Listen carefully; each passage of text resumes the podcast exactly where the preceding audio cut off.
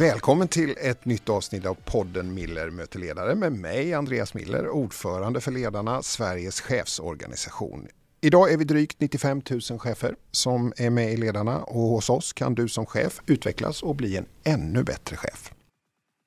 Den här säsongen av Miller möter är en specialversion som vi kallar Miller möter politiska ledare. Och dagens gäst ligger i startgroparna inför en valrörelse som kommer ske i skuggan av en orolig omvärld, inte minst kriget i Ukraina, men också efterdyningarna av pandemin. Hon leder ett mittenparti och befinner sig ständigt i rampljuset. Hur påverkas hon som ledare av att ständigt utvärderas i opinionsmätningar och en hård mediebevakning? Och vad tänker hon efter pandemin? Där brister i välfärden har blivit uppenbara. Hur kan politiken skapa bättre förutsättningar för chefer i offentlig sektor? Som kvinna och partiledare anser hon, att, anser hon då att det är jämställt inom politiken nu eller behöver vi jobba ännu hårdare? Och i vilken situation har varit svårast att hantera som partiledare? Annie Lööf, väldigt välkommen hit. Tack så mycket. Det är många frågor men vi har lite tid på oss. ja, det blir ett spännande samtal. Ja. Mm. Du, det är hektiska tider för dig. Mm. Eh, vi är tidig vår nu men det är valår i år. Vilken skulle du säga är din ledaregenskap som du tror att du kommer ha störst nytta av och vad viktigast för dig under det här året? Ja, alltså som ledare så tror jag ändå att det är tryggheten i mitt ledarskap som jag tror att jag kan ha stor nytta av det här året. Jag har ju varit partiledare nu i tio och ett halvt år, mm. suttit i riksdagen i 16, varit mm. med om väldigt många olika kriser, både mm. personliga, privata, mm. men också mm. nationella. Mm. Och eh, jag tror att den erfarenheten skapar en trygghet och ett lugn eh, som jag tror jag kan ha nytta av i ett ganska uppskruvat medietempo och en ganska uppslitande och polariserande debatt. Mm. Eh, så där tror jag att jag... Har den tryggheten någon känsla? Hur känner du den? men jag känner ett lugn. Ja. Eh, jag känner en eh, också lite nyfikenhet, för jag är liksom inte trygg och tillbakalutad, utan jag är snarare trygg, lugn och framåtlutad. Ja. Så jag är ju i en rörelse hela tiden. Ja. Och jag är nyfiken på vad som händer runt hörnet. Eh, så att eh, där befinner jag mig nog. Den där tryggheten, mm. är det bara händelserna som, som du har gått igenom som du tar med dig? Eller är det också en trygghet som kom innan händelserna? Förstår du vad jag menar? Ja, men dels är jag ju trygg som person, eh, men jag tror också att jag är trygg med vad jag vill och vad, jag, vad vi ska nå. Eh, och då kan man leda i förändring, för att hela mitt partiledarskap har ju varit en stor förändring, alltså mm. i omvärlden. Backa bandet till 2010, dels hade vi en helt annan uppsättning av samarbete i politiken. Mm. Omvärlden såg helt annorlunda ut. Eh, nu så ser vi att en helt annan rörelse kring högerpopulistiska krafter. Mm. Vi ser ett krig i Europa. Vi har mm. gått igenom en pandemi och, ehm, och just det liksom det här ta sig an tuffa nya utmaningar med en lugn och erfarenhet tror jag att är en, en stor eh, nytta. Du, Annie, du är ju känd får man ju säga och väldigt många vet nog ganska mycket om dig. Men vi tänker ändå att vi ska presentera dig lite grann. Annie Lööf är född och uppvuxen i byn Maramo strax norr om Värnamo. I unga år lockade fotbollen och Annie blev målvakt i IFK Värnamos damlag. Sista året på gymnasiet började hon engagera sig politiskt och hösten 2001 blev hon medlem i Centerpartiet 2006 blev hon inkryssad i riksdagen och under den mandatperioden var hon då Sveriges yngsta riksdagsledamot. Annie Lööf är utbildad jurist vid Lunds universitet. 2011 blev hon partiledare för Centerpartiet och var då partiets yngsta ordförande genom tiderna. Samtidigt blev hon även statsråd när hon övertog Maud Olofssons post som näringsminister. 2018 gav hon ut en självbiografi Sanningens ögonblick som bland annat handlar om hennes första tid som partiledare.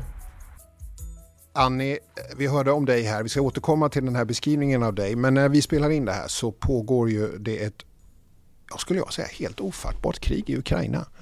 Eh, mycket sägs om det i olika sammanhang och vi måste prata om det. Och jag, när jag möter människor hela tiden nu så är det nästan det som ligger längst upp i allas tankar och funderingar.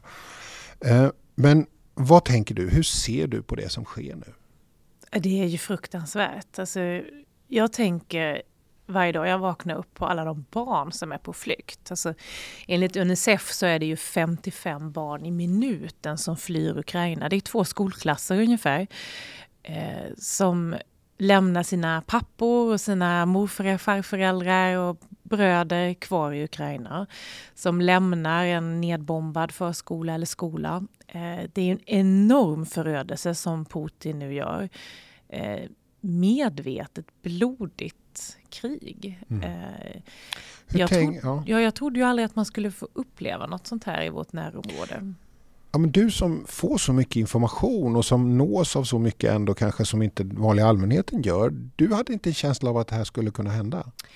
Både och. Alltså man är aldrig förberedd för en sånt blodigt invasionskrig. Det är man inte. Man, jag har svårt att förbereda mig för att se mödrar och barn på flykt som blir nedskjutna på, på trottoarer. Däremot så har jag ju suttit i rum under många år och fått liksom en omvärldsbevakning som tyder på ett aggressivt Ryssland som rustar. Eh, vi har ju sett sedan 2008 när de gick in i Georgien och hur de har eh, hanterat eh, Krim sedan 2014. Det har ju varit ett pågående krig i Ukraina.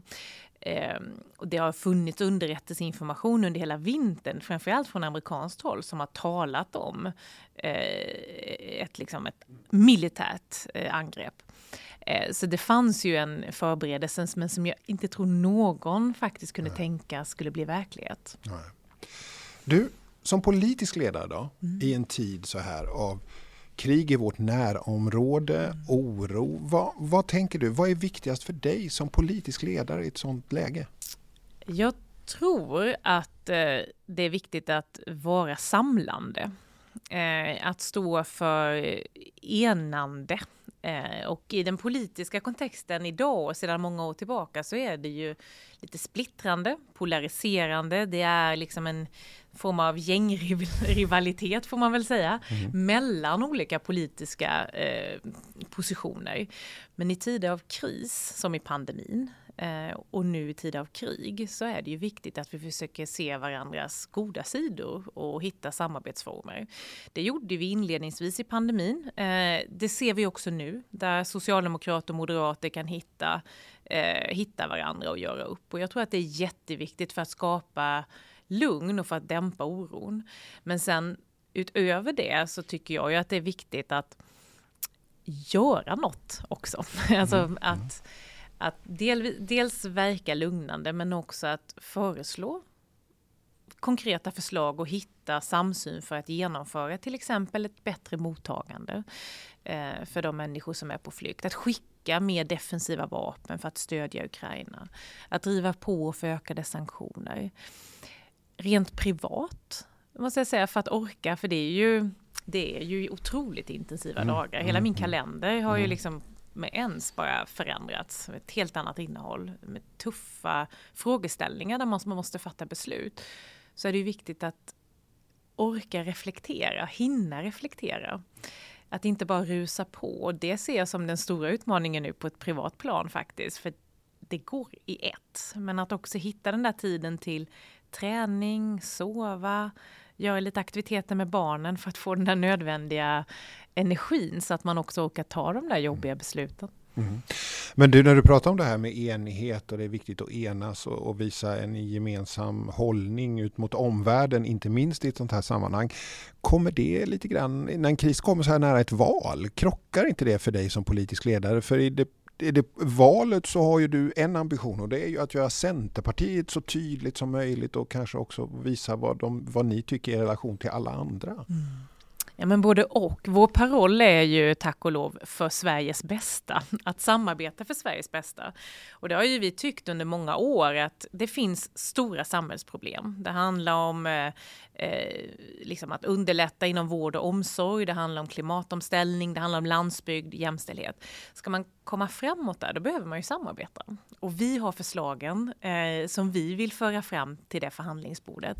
Så att det handlar ju både om att på ett ödmjukt sätt berätta berätta vilka problem som finns och vilka lösningar vi har, men också vara stor nog att säga att det behöver inte bli precis som vi tycker.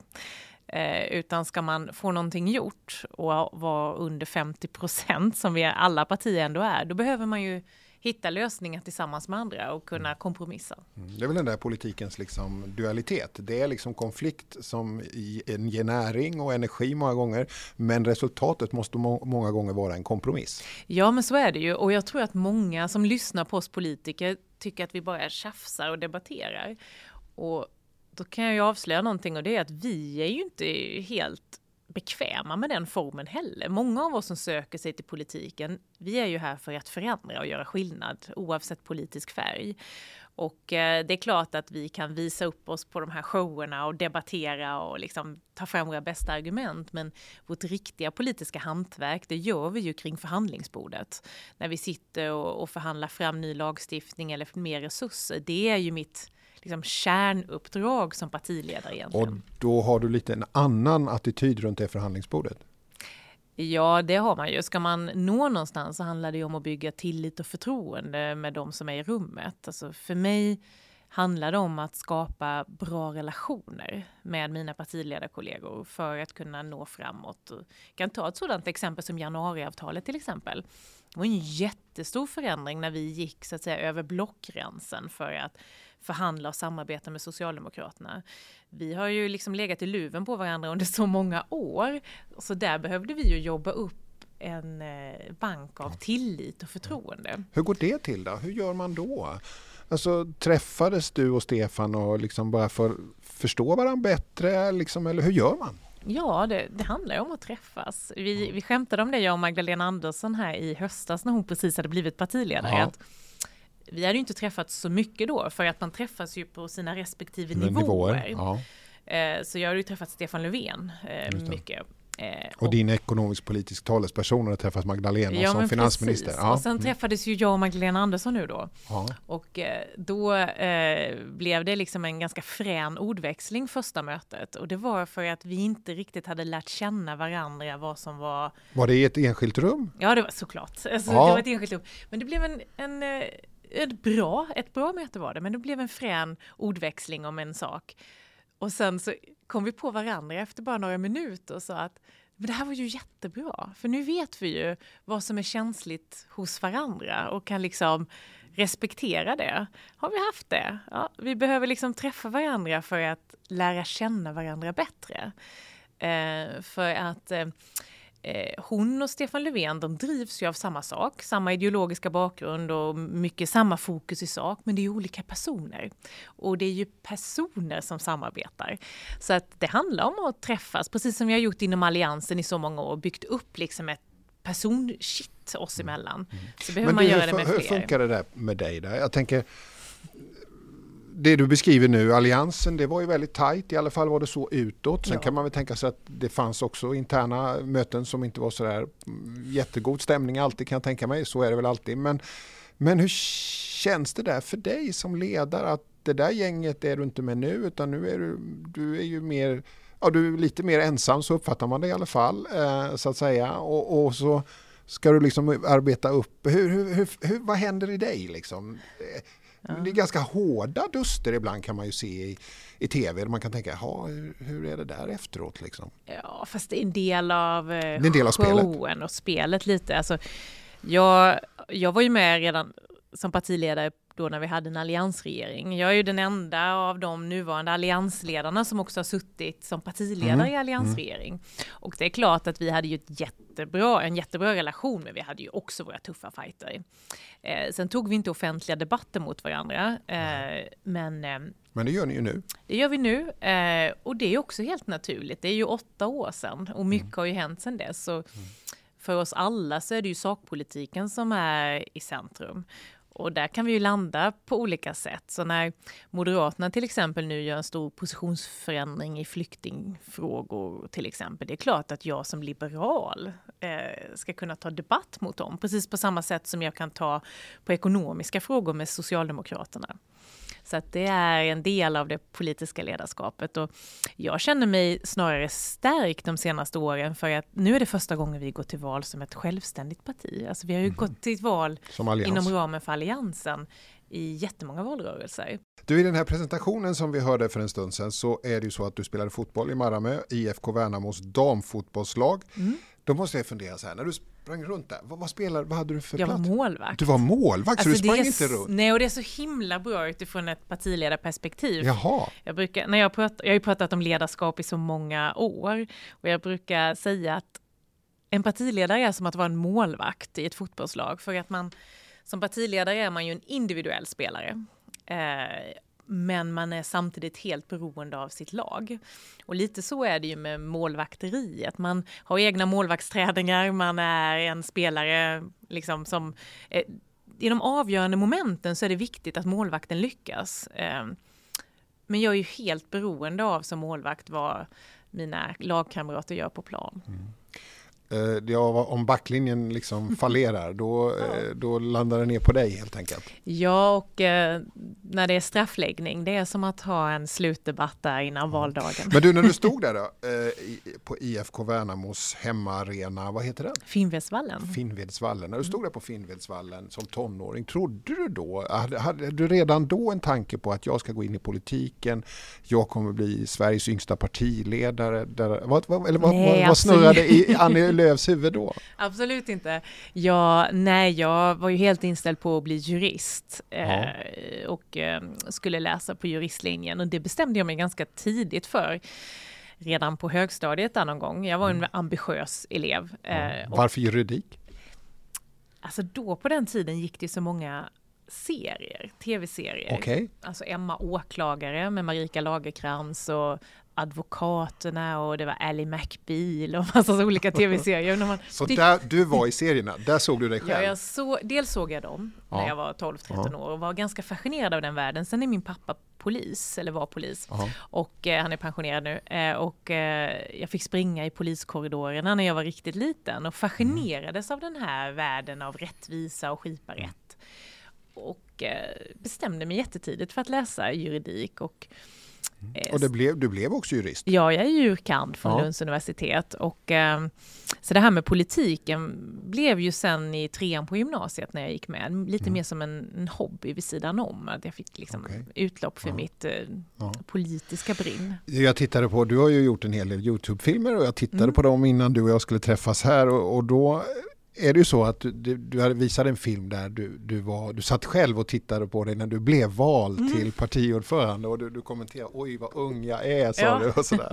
eh, du var ju 28 år då. Ja. Eh, och du var ju den yngsta, part, ja Centerpartiets yngsta partiledare. Mm. Sen kanske det har kommit någon som var lite yngre när den blev partiledare men ändå. Alltså hur var det att kliva in i ett så stort och ansvarsfullt uppdrag som 28-åring? Det var ju mycket som hände det året. Det här var 2011 och ja. eh, samma månad så blev jag djurkand, jag gifte mig och eh, månaderna innan förlorade jag båda mina svärföräldrar i cancer. Så att just då när jag blev partiledare och dessutom näringsminister och tog plats i det här så kallade inre kabinettet i regeringen så var jag väldigt fastlåst i min privata sorg. Så att jag tänkte inte så mycket på det historiska skeendet då. För det gick så väldigt fort. Maud Olofsson, min företrädare, hon bestämde ju sig för att lämna i juni. Och jag blev presenterad i slutet av juli som eh, en av de tre partiledarkandidaterna. Och det var mitt i liksom allt som hände då. Men vad var det som gjorde att du då mitt i allt det du nu beskriver, att du ändå valde att ställa upp? Ja, jag har funderat på det många gånger efteråt. Jag skrev en bok som kom ut 2018 ja. om eh, Sanningens ögonblick. Sanningens ögonblick, ja mina år i, i eh, som partiledare. Och när jag skrev den så funderade jag faktiskt, när jag skulle försöka sätta ord på den där tiden, ja. vad var det som gjorde att jag ändå tackade ja? För att jag hade varit i riksdagen fem år. Jag hade redan då haft tunga uppdrag så att säga. Mm. Eh, så du kom in som 23-åring? Ja, och jag var då Sveriges yngsta riksdagsledamot. Mm. Jag strävade faktiskt aldrig efter att bli partiledare. Det, det, ligger, det faller sig inte naturligt att säga så nu för att jag är ju känd för att sätta tuffa mål och försöka nå dem men just partiledare fanns inte i mina målsättningar. Och det var ju för att jag kanske ännu inte hade hunnit sätta det målet så att säga. För att jag var rätt nöjd med situationen. Jag kände att jag redan hade nått väldigt långt på den korta tiden. Men när jag fick frågan från partiet och jag började inse att det var så många som stod bakom mig så fick jag den här känslan av att man får kanske bara en chans. Eh, och det är så många som tror på mig. Eh, och eh, jag pratade med min man där, för det är ju teamwork väldigt mycket. Han, eh, ja, han får ju stå tillbaka väldigt mycket när jag ska satsa. Jag har ju fått göra det i tio år nu. Och han tyckte ju, trots allt det han själv gick igenom då, att jag skulle tacka ja. Eh, och jag gjorde det. Och eh, det blev ju en väldigt tuff start. Eh, jag förstår inte så här i efterhand hur jag mäktade med det första halvåret. Eh, och jag minns efter den hösten där, när man då hade blivit eh, partiledare, alltså skulle sätta en ny liksom, politisk kurs för Centerpartiet. Jag blev departementschef för 300 anställda på näringsdepartementet. Det var ekonomisk kris. Eh, bilföretaget Saab gick i konkurs veckan innan julafton. Eh, och jag var helt ny på det här. Jag skulle eh, rekrytera nya ministrar, nya medarbetare.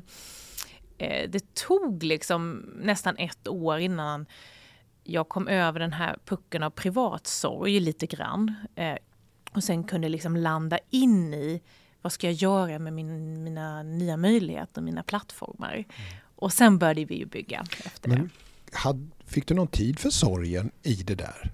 För det där låter ju som, det låter ju som nästan 24-7 om man ska göra allt det där. Ja, både ja och nej. Man ska väl komma ihåg att det var ju framför allt min man som hade det ja. riktigt tufft. Jag, ja. jag min, sorg, ja, men min sorg var ju framförallt, jag saknade ju dem otroligt, men min sorg var ju framförallt i att också hjälpa och stödja min man i allt det svåra som han gick igenom. Eh, och så här i efterhand så eh, hade det nog varit bra att göra det lite lugnare. Eh, men vi har landat tillsammans eh, under de här åren. Mm. Du, det här då, att vara så ung som du var, fick du brottas något med att du var ung? Alltså, vad möttes du av? Absolut. Nej men eh, framförallt ung och ung kvinna. Ja. Eh, men jag valde redan när jag kom in som yngst i riksdagen som 23-åring att se det som något positivt. Att se det som en möjlighet att faktiskt komma ut i vissa frågor. Som näringsminister då så ja, dels behövde jag ju hantera den ekonomiska krisen och fordonskrisen men att också lyfta ungt entreprenörskap, ungt ledarskap. Eh, att se mina Eh, Eh, ledaregenskaper och mina erfarenheter som någonting positivt in i detta. Men jag var ju ofta enda kvinna eh, i Bryssel eh, runt bordet. De andra industriministrarna var ju män. Eh, jag var ju ofta enda partiledaren som var kvinna i partiledardebatterna i Sverige på den tiden. Eh, så det var framför allt att jag var kvinna som stack ut och inte att jag var ung så mycket. Eh, och det är ju verkligen ett övergående problem, för nu har jag ju haft den här titeln i tio år, så att nu kan jag ju se tillbaka på ett decennium där det faktiskt, man faktiskt har kunnat etablera sig, först som en ung röst och nu då som en etablerad. Du, eh, ledarna gör undersökningar återkommande. Ålderism utestänger chefstalonger heter en av våra undersökningar och där visar vi att vi har en mycket stark pensionsnorm i Sverige. Eh, fortfarande tycker folk att det är 65 som gäller. Eh, och att vi tenderar att ha ett bäst före och ett bäst efter datum eh, på chefer, vilket drabbar då både yngre och äldre chefer. Eh, hur kan man jobba med det där? För vi, vi möter ju både unga chefer som säger nej, jag, eller unga människor som vill bli chefer. Och då säger de nej, de, det enda svar jag får, jag är för ung. Eh, och så får vi ju de cheferna som jag också möter som säger, ja men till exempel Rolf som jag träffade häromdagen som var 56 och sa det är ingen mening med att jag söker några mer chefsjobb för i min bransch så uppfattas jag som för gammal. Vad, vad tänker du det där? Vad behöver vi jobba för att inte ålder ska vara det som vi bedömer människor utifrån? Nej men vi måste ju se mångfalden och styrkan i olika erfarenheter. När jag kom in i riksdagen som 23-åring så hade Centerpartiet både den yngsta och den äldsta. Den äldsta var då Lennart Levi och han var ju runt 80 år då.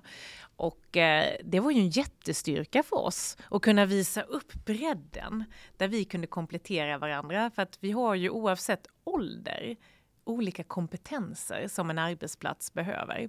Så jag vill ju och Centerpartiet vill ju verkligen motverka den här ålderismen som kanske framför allt drabbar äldre. Ska jag säga. Eh, vi måste ju möjliggöra för ett längre arbetsliv för de som vill. Alla vill inte det, men för de som vill. Vi har ju många förslag på att liksom stimulera och underlätta för arbetsgivare att eh, ha kvar erfarenheten och kompetensen på arbetsplatsen.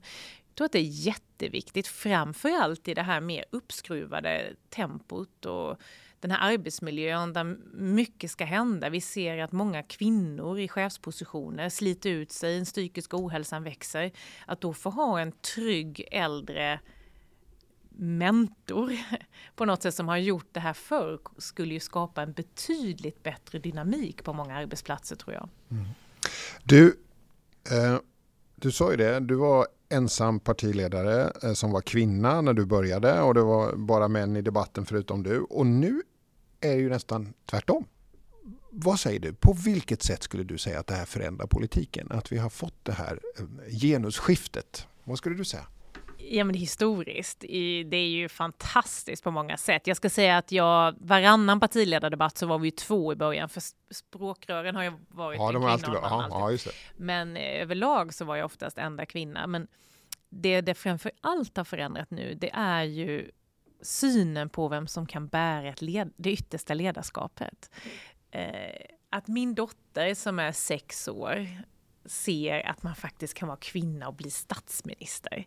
Det är ju jättehäftigt. Att eh, det är naturligt för hennes kompisar att se att vi är så många kvinnor som kan ha ledande positioner. Och eh, när jag växte upp så fanns det ju många starka kvinnor då också som jag haft som förebilder, men nu blir, är de ju många fler. Och de här glastaken, när de krossas inom eh, ja, men kan vara inom vården, inom politiken, inom rättsväsendet, så leder det ju till att fler kommer ta den vägen. Men du, när du säger det där, eh, glastaken krossas eh, och näringslivet och så, så vi tar ju fram siffror där vi ser att Förvisso, det rör sig åt rätt håll i svenskt näringsliv, men det går väldigt långsamt.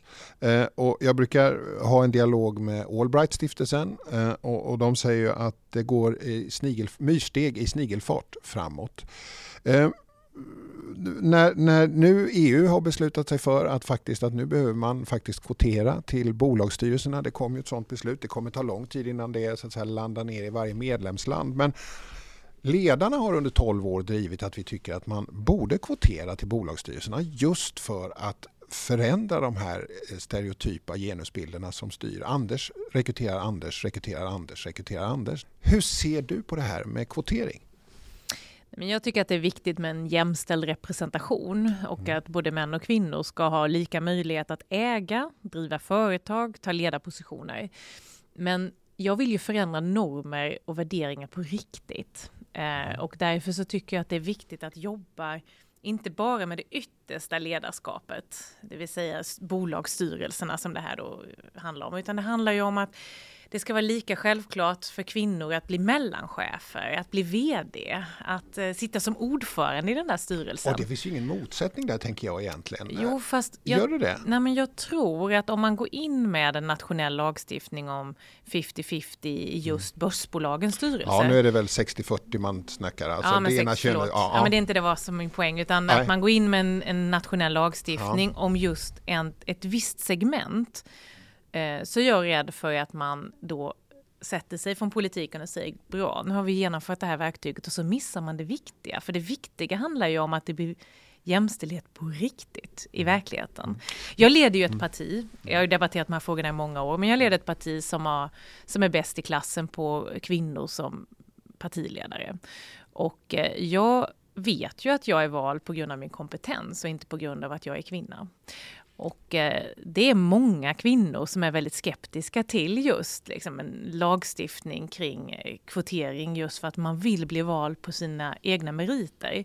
Och jag är så frustrerad över att det svenska näringslivet har kvoterat in män i alla år. Alltså, eh, för skulle, skulle man gå på kompetens så skulle det skulle ju vara det inte jämställt. se ut som det gör.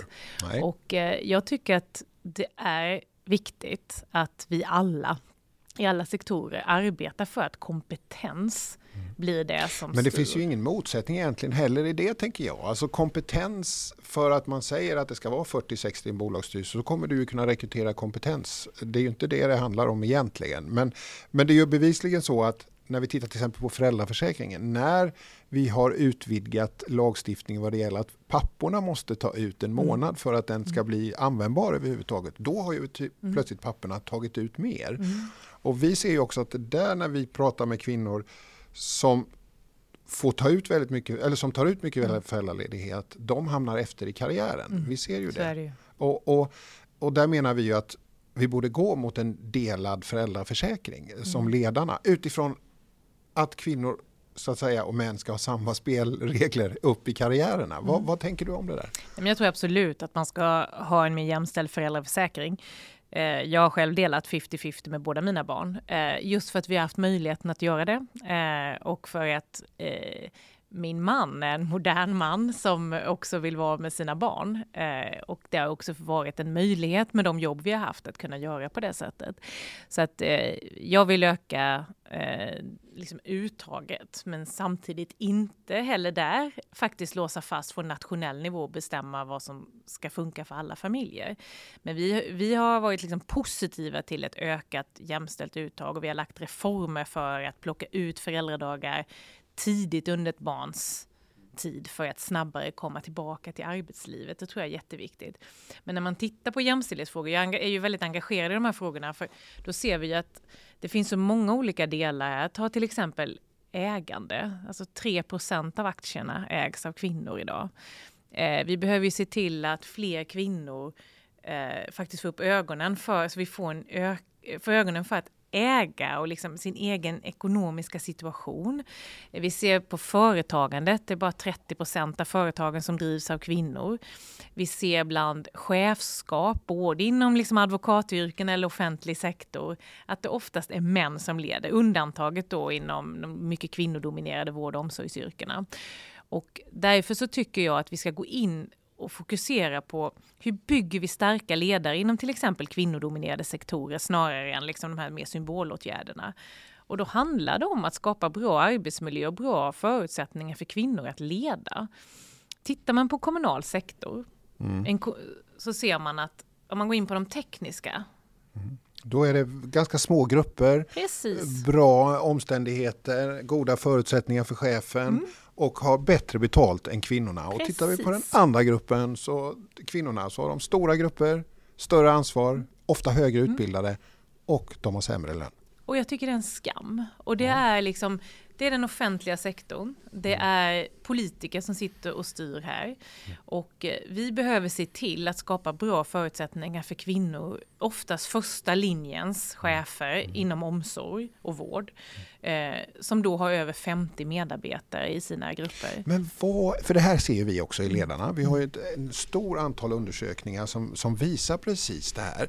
Vad är det i det politiska ledarskapet som gör att man, för det är ju inte, det är ju inte så att det här är nyheten 2022 egentligen. Den har ju funnits ganska länge. Vad skulle du säga, vad är det som gör att det politiska ledarskapet inte prioriterar de här förutsättningarna? Det är ju för att det politiska samtalet om jämställdhet har rört liksom symbolåtgärder och inte de här konkreta viktiga delarna. Vi vill ju ha ett offentligt mål om max 25 medarbetare eh, inom vård och omsorg. Det skulle underlätta för arbetsmiljön hos så många kvinnliga chefer som skulle göra att de skulle orka mer, kunna avancera och utveckla sitt ledarskap. Det här är ju en, det här är en riktig jämställdhetsfråga. Eller ta till exempel det förslag som vi också har kring alltså rekryteringsutbildningar och chefsutbildningar, både inom skolans värld som man har vad gäller rektor, tycker vi ska finnas inom vård och omsorgsyrken. För att stärka det, liksom det, det lokala ledarskapet, om jag får säga det, det som, det som ligger närmast medarbetarna eller patienterna, brukarna. Och anledningen tror jag till att man inte har kommit så långt i politiken med det här, det är ju för att vi har två roller. Alltså, jag har ju då min nationella roll att gå ut med detta och sen finns det då en arbetsgivarroll. Eh, och det är nog det som har gjort att man liksom inte har tagit hela Va, vägen. Vad, vad tänker du, vad, är, vad, finns det för motsättning där så att säga i arbetsgivarrollen och i den, i den liksom opinionsbildande rollen? Vad skulle du säga, vad är den största spänningen där som uppstår? Nej, jag tycker inte att det finns en... en... Men du säger ändå att det ja, är... Nej, men, ja, det var en förklaring till varför det inte har hänt något. Det finns nej. ju fler partier än ja, vårt parti. Ja, ja, nej, men, absolut. Så här, och... Men vad, vad, är det då som gör att politiken inte tar en fullt ut en arbetsgivarroll? Om, om vi inte nu tänker parti, alltså om vi tänker politik som politik liksom, och så ska man kliva in i en arbetsgivarroll. Vad är, vad är problemet som gör, ju det du beskriver, mm. finns ju på väldigt många ställen, lite oberoende faktiskt av politisk majoritet. Ja men så är det. Och, nej, men det är där jag tror att vi behöver ha nationell eh, jämlik eh, lagstiftning eh, och målsättningar som reg reglerar arbetsmiljön. Eh, för det skulle stärka kvinnors ledarskap. För när man då å andra sidan sen sitter i större förhandlingar mellan parter, eh, då kommer man ju in i en förhandlande position.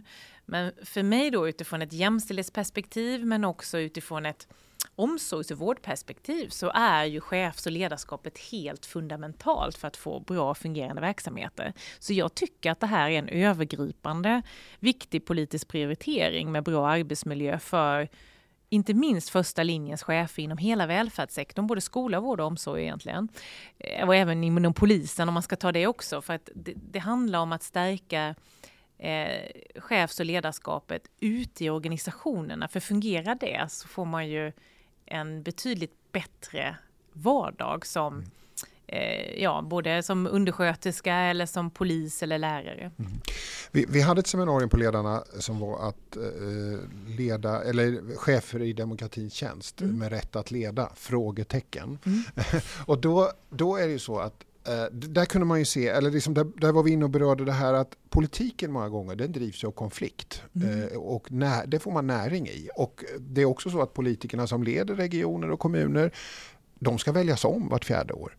Medan tjänstemännen och cheferna de har en mycket längre cykel egentligen så att säga, och ska egentligen jobba med samarbete. Det är ju inte i första hand konflikt de ska jobba med, de ska jobba med samarbete. Och att de där två vad ska vi säga, energierna de krockar ibland och att det blir väldigt svårt ibland att som chef liksom hantera det där därför att okej okay, nu gör hon ett utspel här men det har inte så mycket med vår verksamhet att göra utan det har med valmanskåren att göra. Men det är inte alltid man uppfattar det så utan först, vad tänker du om den där problematiken, den där krocken? Mm, ja men den är ganska komplex faktiskt. Alltså för som eh...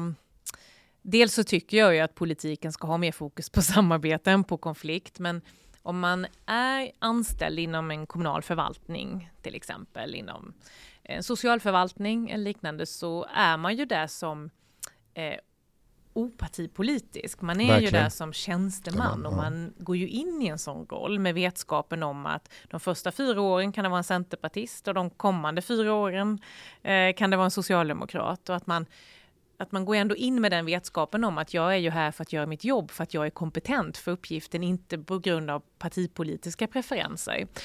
Och, så det är ju viktigt att man har det som ingång eh, och också kunna fjärma sig lite från den här partipolitiska debatten och vara en professionell tjänsteman. Å andra sidan ställer ett jättestort krav, tycker jag, hos oss politiker. Att an, inte använda tjänstemännen i liksom partipolitiska syften. Eh, utan att ha en rågång där och ha en, att man kan ha en integritet som tjänstemän. Eh, och ibland så lyckas man inte med det. Eh, och ibland så offras tjänstemän eh, för partipolitiska misslyckanden, vilket jag tycker är förkastligt. Eh, och, Varför är det så frestande då, som politiker, att göra det? Jag vet faktiskt inte. För, för vi ser det ju ganska ja, ofta. Ja, men jag ska också säga att jag har, ju, jag har en kort karriär, kommunal karriär eh, innan jag kom in i rikspolitiken. Men jag tänker att du möter många centerpartistiska kommunalråd som kanske diskuterar de här frågorna. Ja, men det gör jag. Men det, jag tror att det är upp till varje enskilt fall att se. För att det är viktigt att man som tjänsteman har integritet Eh, men också att man är medveten om att man jobbar i en politiskt styrd organisation och att man då är flexibel med vad den politiska ledningen faktiskt fattar för beslut. För det är faktiskt det som är grunden. Å andra sidan så är det viktigt att man från politiken har respekt för eh, kunnandet och kompetensen som de opolitiska tjänstemännen sitter på. Jag gjorde ju så som näringsminister till exempel. Eh, det var ju 300 opolitiska tjänstemän. De jobbar ju fortfarande kvar en del av dem nu när det är eh, sedan åtta år tillbaka en socialdemokratisk regering. Eh, för de är i sin profession och jobbar och de var lojala mot mig när jag var näringsminister. Men den dagen jag slutade så ändrade de sin lojalitet till nästa näringsminister. Och det är ju så det ska vara. Och det är ju det som gör vårt liksom, ämbets, eh, liksom, vår ämbetsstolthet som finns. Men handlar inte det också, tänker jag, om att, att man också måste öka kunskapen om varandras roller ja. och respekten för varandras uppdrag? Och Mycket att, rätt. Och, och, för det såg vi i det här seminariet, det kanske var en av de frågor som blev tydligast. att man måste faktiskt som eh, Palle Lundberg som är stadsdirektör i mm. Helsingborg, mm. han var med i det här seminariet mm. och han, han utbildar ju både tjänstemän och politiker ja. i vad är tjänstemännens uppgift, vad är politikernas ja. uppgift och respekt för de båda uppdragen. Absolut. Och att det gäller ju så att säga att förstå dem för att kunna utveckla en verksamhet. Och båda är lika viktiga. Ja. Men ta en kommundirektör och ett kommunstyrelseordförande. Eh, de är ju ett radarpar Precis. i kommunen. Eh, det är jätteviktigt att det funkar tillitsmässigt och förtroendemässigt dem emellan. Men de har helt olika uppgifter. Eh, och de är helt fristående från varandra egentligen. och det måste ju... Det måste och de måste förstå veta. varandras planhalvor. Ja, absolut. Ja. Vad skulle du säga, vad är dina främsta styrkor som ledare? Det är alltid andra som är bättre att bedöma dem, men om, om jag ska säga några så är det väl en kombination av att vara inlyssnande och sen ha förmåga att sätta ner foten vid rätt tillfälle. För det är ju, jag tycker att det är viktigt som ledare att ha större öron än mun, det vill säga att lyssna. Jag reser mycket, jag har många möten, jag lyssnar väldigt mycket i, i mitt parti. Men sen att försöka samla sig kring vad en majoritet faktiskt tycker och sätta ner foten och gå vidare. Eh, så den kombinationen är jag nog duktig på. Den där, känner du alltid att du har den fingertoppskänslan när du ska sätta ner foten eller kan du liksom tänka, nej nu satte jag ner den för tidigt? Ja, ibland är det svårt för mm. att... Eh, för det kan jag tycka var svårt det där att veta hur länge ska jag lyssna som ordförande mm. och när ska jag sätta ner foten? Absolut. Ibland får jag ju återkopplingar att du sätter ner foten för tidigt. Mm. och, och, ibland, nu måste du sätta ner foten. Va, vad tänker du om det där? Jo, men ibland kan det ju komma, det beror ju på vad det är för frågor. Ibland kan det ju vara personliga saker i, vad gäller människorna runt bordet mm. som gör att mm. det måste ta lite längre tid. Mm. Eh, men ta exempelvis de fyra månadernas regeringsförhandlingar efter förra mm. valet. Januariavtalet. Mm. Det var ju mycket möten då där jag lyssnade in och försökte liksom hitta en linje framåt för mitt parti och göra. Vi gjorde ju en jättestor omprövning, men för att kunna göra den så var jag ju tvungen att liksom hitta en rörelse i mitt parti som kunde godta den förändring vi var inne i. Och det måste få ta tid. Eh, stora processer och ha möjligheten att vara så pass uthållig i det och samtidigt liksom försöka få en rörelse att gå åt rätt håll. Mm. Eh, det vet man ju inte att man har lyckats med förrän man är i mål. Mm. Men man måste kunna ha förmåga att kunna leda framåt. Mm. Du har ju kallat det där för den, den svåraste tiden som partiledare under de här åren. Mm. Eh, januariavtalet. Eller processen dit. Processen dit, ja. Processen dit var det svåraste i ditt partiledarskap. Mm. Var det just det här som du beskriver nu som var det svåraste? Det har många olika dimensioner. Mm. Alltså jag är ju uppvuxen i, ett, eh, i en borgerlig kommun, ett borgerligt hem, eh, där Socialdemokraterna har varit liksom den här ideologiska meningsmotståndaren.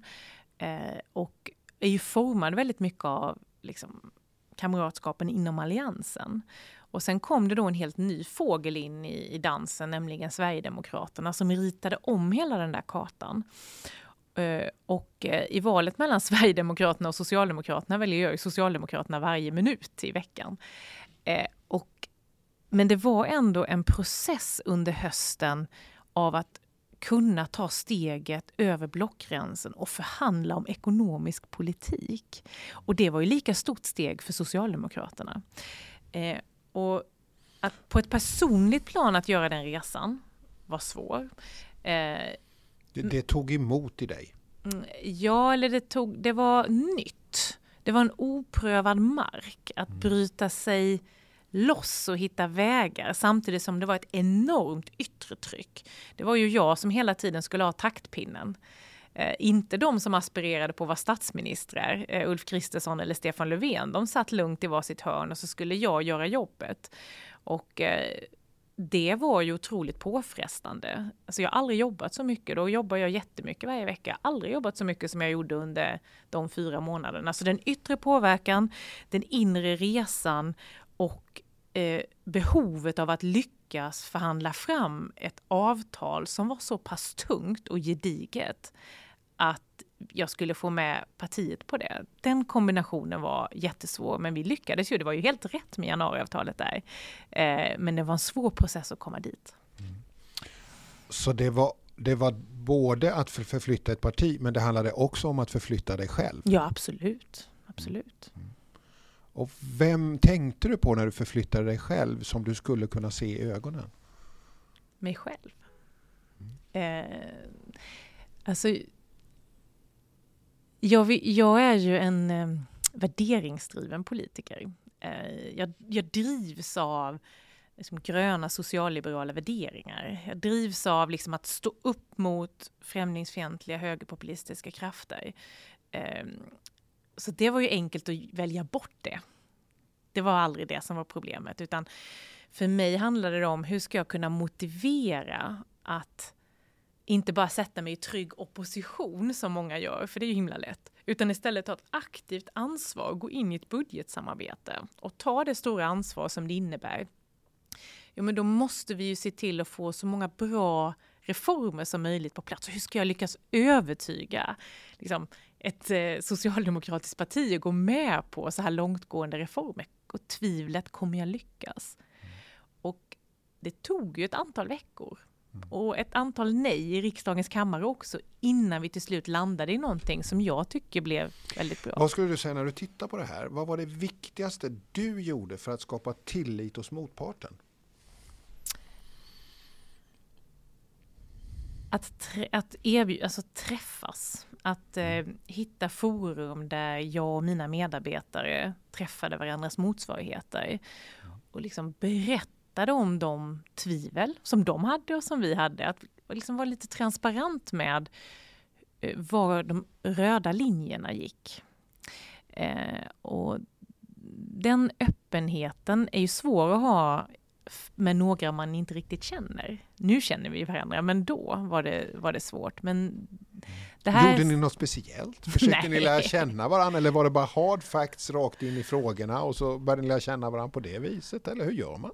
Nej men just då var det ju en ganska pressad situation. Ja. Fyra månader hade gått, alla väntade på ett resultat. Ja. Vi hade ju parallella förhandlingar, dels med Moderaterna eh, om en lösning där SD inte skulle få inflytande och då konkreta sakförhandlingar med Socialdemokraterna. Så vi jobbade ju dubbelt. Eh, och de visste om varandra. Men eh, det var, eh, nej det var, det var klassiska vanliga förhandlingsmöten, men där man ändå hittade möjligheten att kunna ha sidosamtal för att förstå varandra bättre.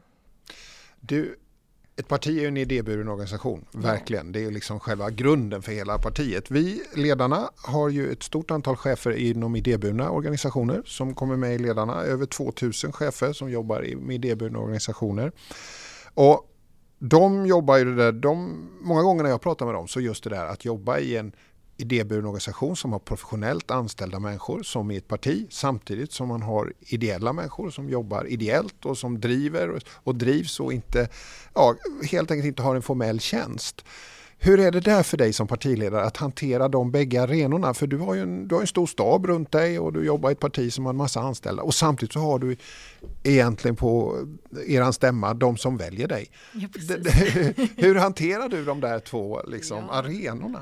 Jag brukar skämtsamt säga att jag har ju mina lönesamtal transparent i tv under våra partistämmor. Men för mina uppdragsgivare är ju våra medlemmar. Ja, alltså det, det är, ju, ju verkligen min, min, mina chefer. Och eh, Nej, men Centerpartiet har ungefär 100 anställda knappt eh, och 30 000 medlemmar ungefär har Centerrörelsen. Mm. Och eh, de allra flesta är ju helt ideella som gör detta på sin fritid. Mm. Så det handlar ju om att bygga upp eh, plattformar och arenor för eh, utbildning, pepping, eh, möjligheter till påverkan för de är ju medlemmar för att kunna påverka inom mm klimatet eller landsbygden eller liknande. Internationell solidaritet som vi också är inne i våra internationella samarbeten.